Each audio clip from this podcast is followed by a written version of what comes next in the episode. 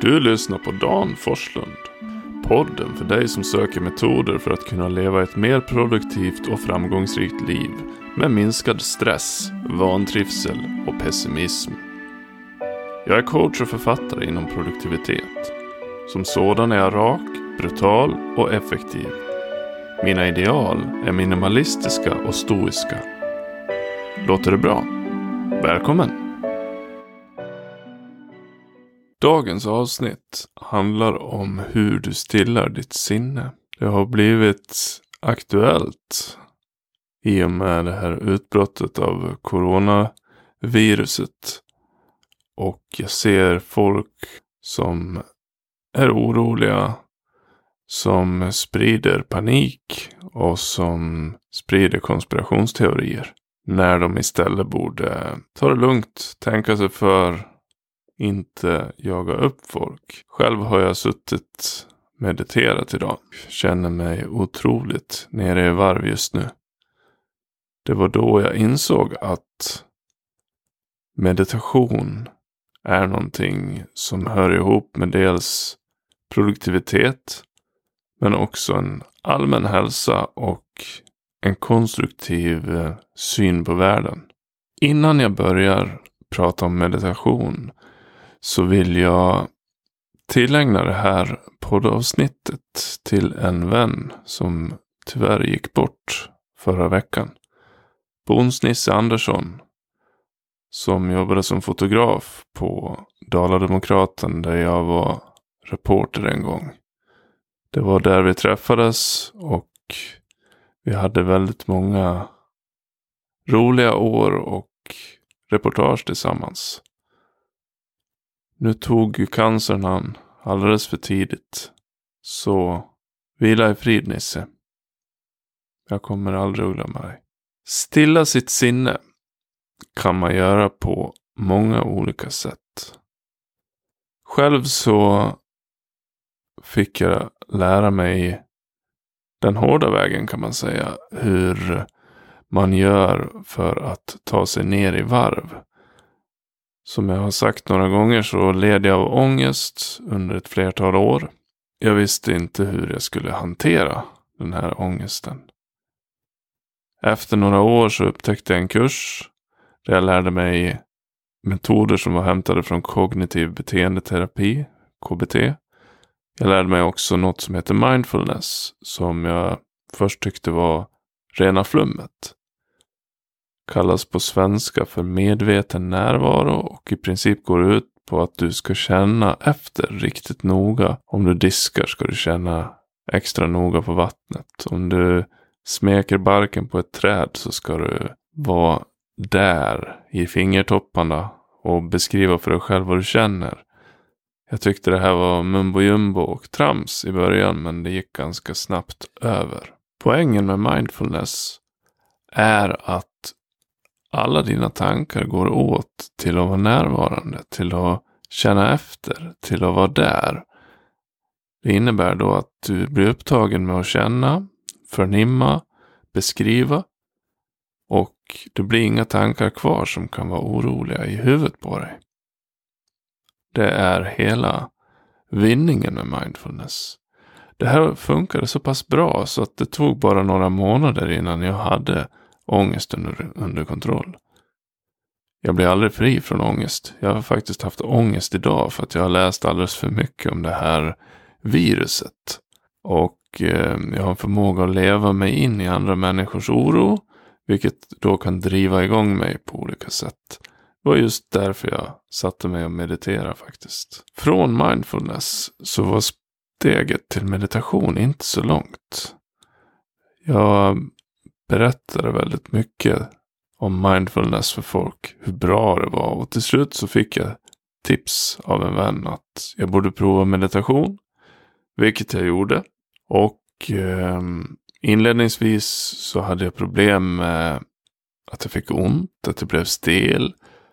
Att jag fick faktiskt panik för att jag höll på och krånglade med andningen fram och tillbaka. Men eh, envis som jag är så fortsatte jag och allt eftersom åren gick så blev meditation en naturlig del av mitt sätt att vara. Och sakta men säkert så skapade jag en ny version av mig själv med den här meditationen. Ett lugnt sinnelag som fick svårare och svårare att jaga upp sig och lättare och lättare att hitta till friden. Det var några av mina direkta upptäckter av meditation. Någonting annat som jag också märkte var en närmast superkraft som jag såg det som. Helt plötsligt så börjar den här eh, fumliga snubbelmannen som jag ändå är började bli mer medveten. Om jag öppnar ett skåp och det trillar ut en kopp så hände det att jag tog lyra med vänsterhanden utan att ens kolla åt det hållet. Jag började komma ihåg var barnens strumpor låg någonstans. Jag minns till och med vilket mönster det var på dem. Det började dyka upp bevis på att jag var närvarande. Och jag tyckte det var magiskt. Det här ledde mig längre in i meditation. Jag började testa olika sorters meditation. Inledningsvis hade jag använt mig av en vanlig mindfulness meditation som den kallades. Det vill säga du sitter och andas in och ut och du fokuserar på din mage.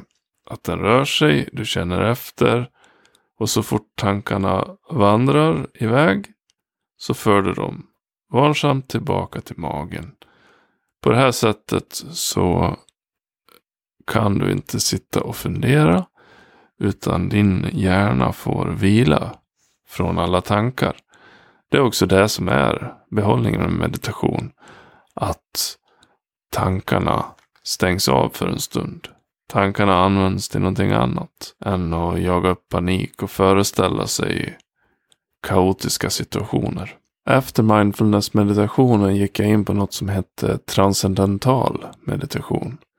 Vilket låter ännu mer flummigt. Men det var faktiskt mycket enklare. Den berömda regissören David Lynch ägnar sig faktiskt en hel, åt, hel del åt eh, transcendental meditation. Söker man på det så verkar det superkomplicerat. Eh, men söker man länge nog så inser man att jaha, du sitter, du andas och du svamlar ett mantra inombords. Du, du kör det här mantrat om och om och om igen i huvudet. Jag fick ju lov att kolla upp vad ett mantra var.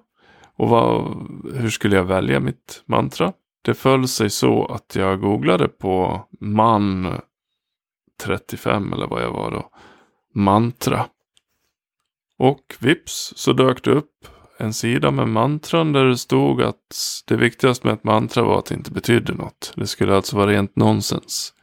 Om jag hade använt kaviartub som eh, mantra så hade det inte varit bra helt enkelt. Så därför så tog jag något som inte betyder någonting. Shir eng. Shir eng. var det som jag malde om och om och om igen i huvudet. Och då gjorde det inte så mycket att man började se en massa konstiga saker. Tankarna spretade hejvilt. Men det spelar ingen roll. Det handlade bara om att fortsätta med sitt mantra. Så det där körde jag under några år. Och fick ganska bra effekt. Sen en dag så följde sig helt enkelt att jag slutade meditera. Jag var så pass tillfreds, så pass lugn i mig själv så att ja, det bara blev att det försvann. Tills en dag när jag blev tipsad om en app som heter Headspace. Headspace är en app som eh, är gjord av en munk. Före detta munk som eh, fick för sig att han skulle sluta vara munk och vandra ut i världen och lära folk att meditera. En engelsman, eh, tror jag, det låter så på rösten, som har en otroligt jordnära attityd. Så jag provade den appen och eh, blev jätteförtjust i den eftersom det fanns flera sorters meditation. Det var ledd meditation, alltså någon som pratade hela tiden. Snarare än att det bara var samma saker om och om igen så var det som små kurser. Det var liksom del 1, 2, 3, 4, 5, 6. Det var olika teman. Det var eh, meditation för, mot ångest, meditation mot depression, meditation för bättre självkänsla. Jag vet inte allt vad det fanns där. Finns säkert ännu mer idag. Jag provade en hel del där, alltså jag bara körde på. Ända tills jag hittade en teknik som kallas för noting. Som visade sig vara helt perfekt för mig.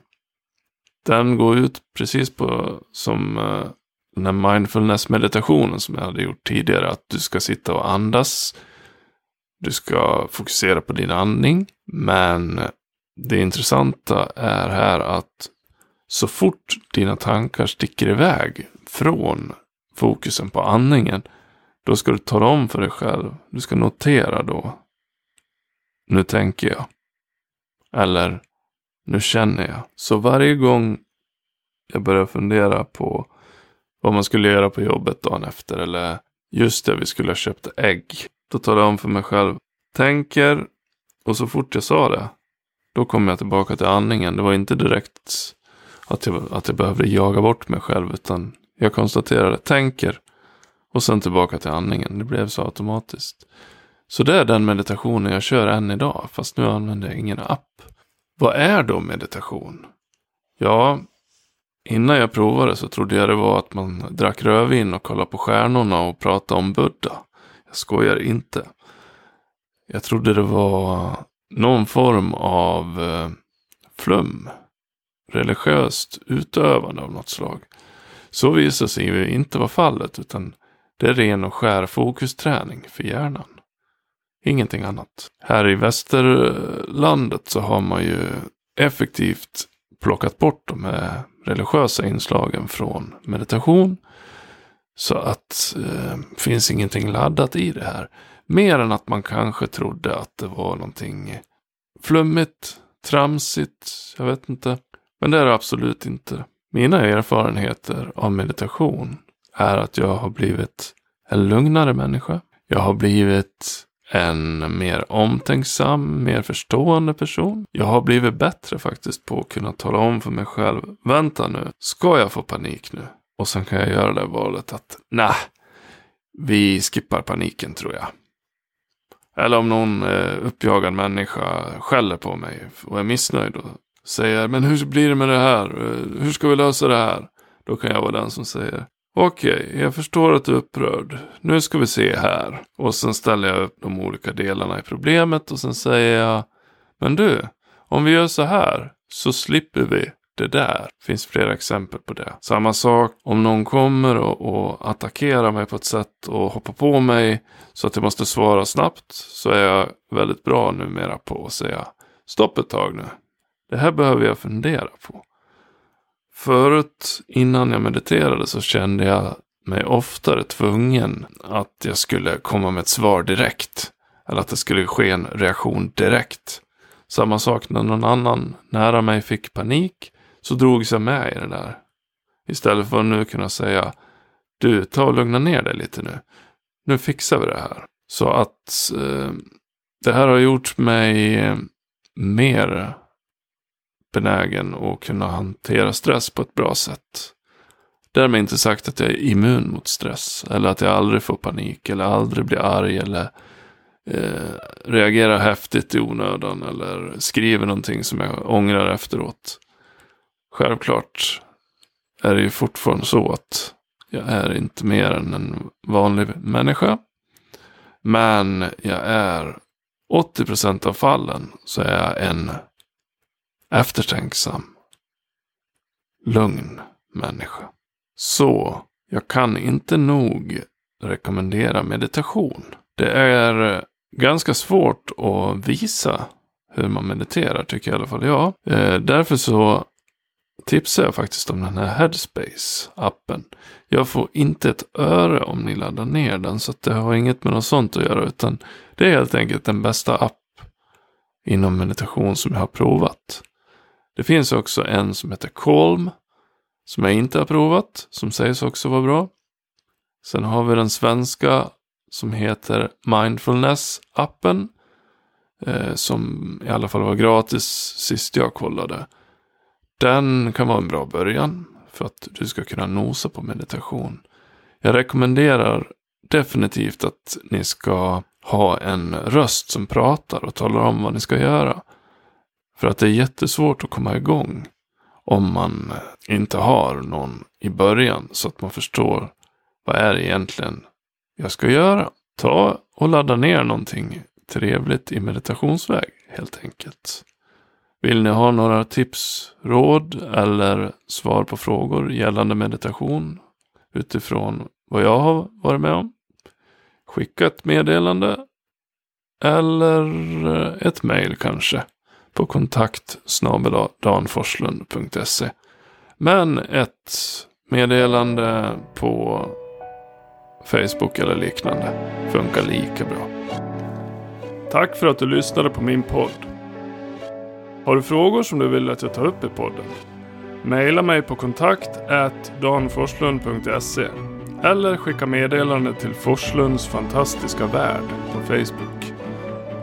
Den har adressen facebook.com forsfant. Vi hörs!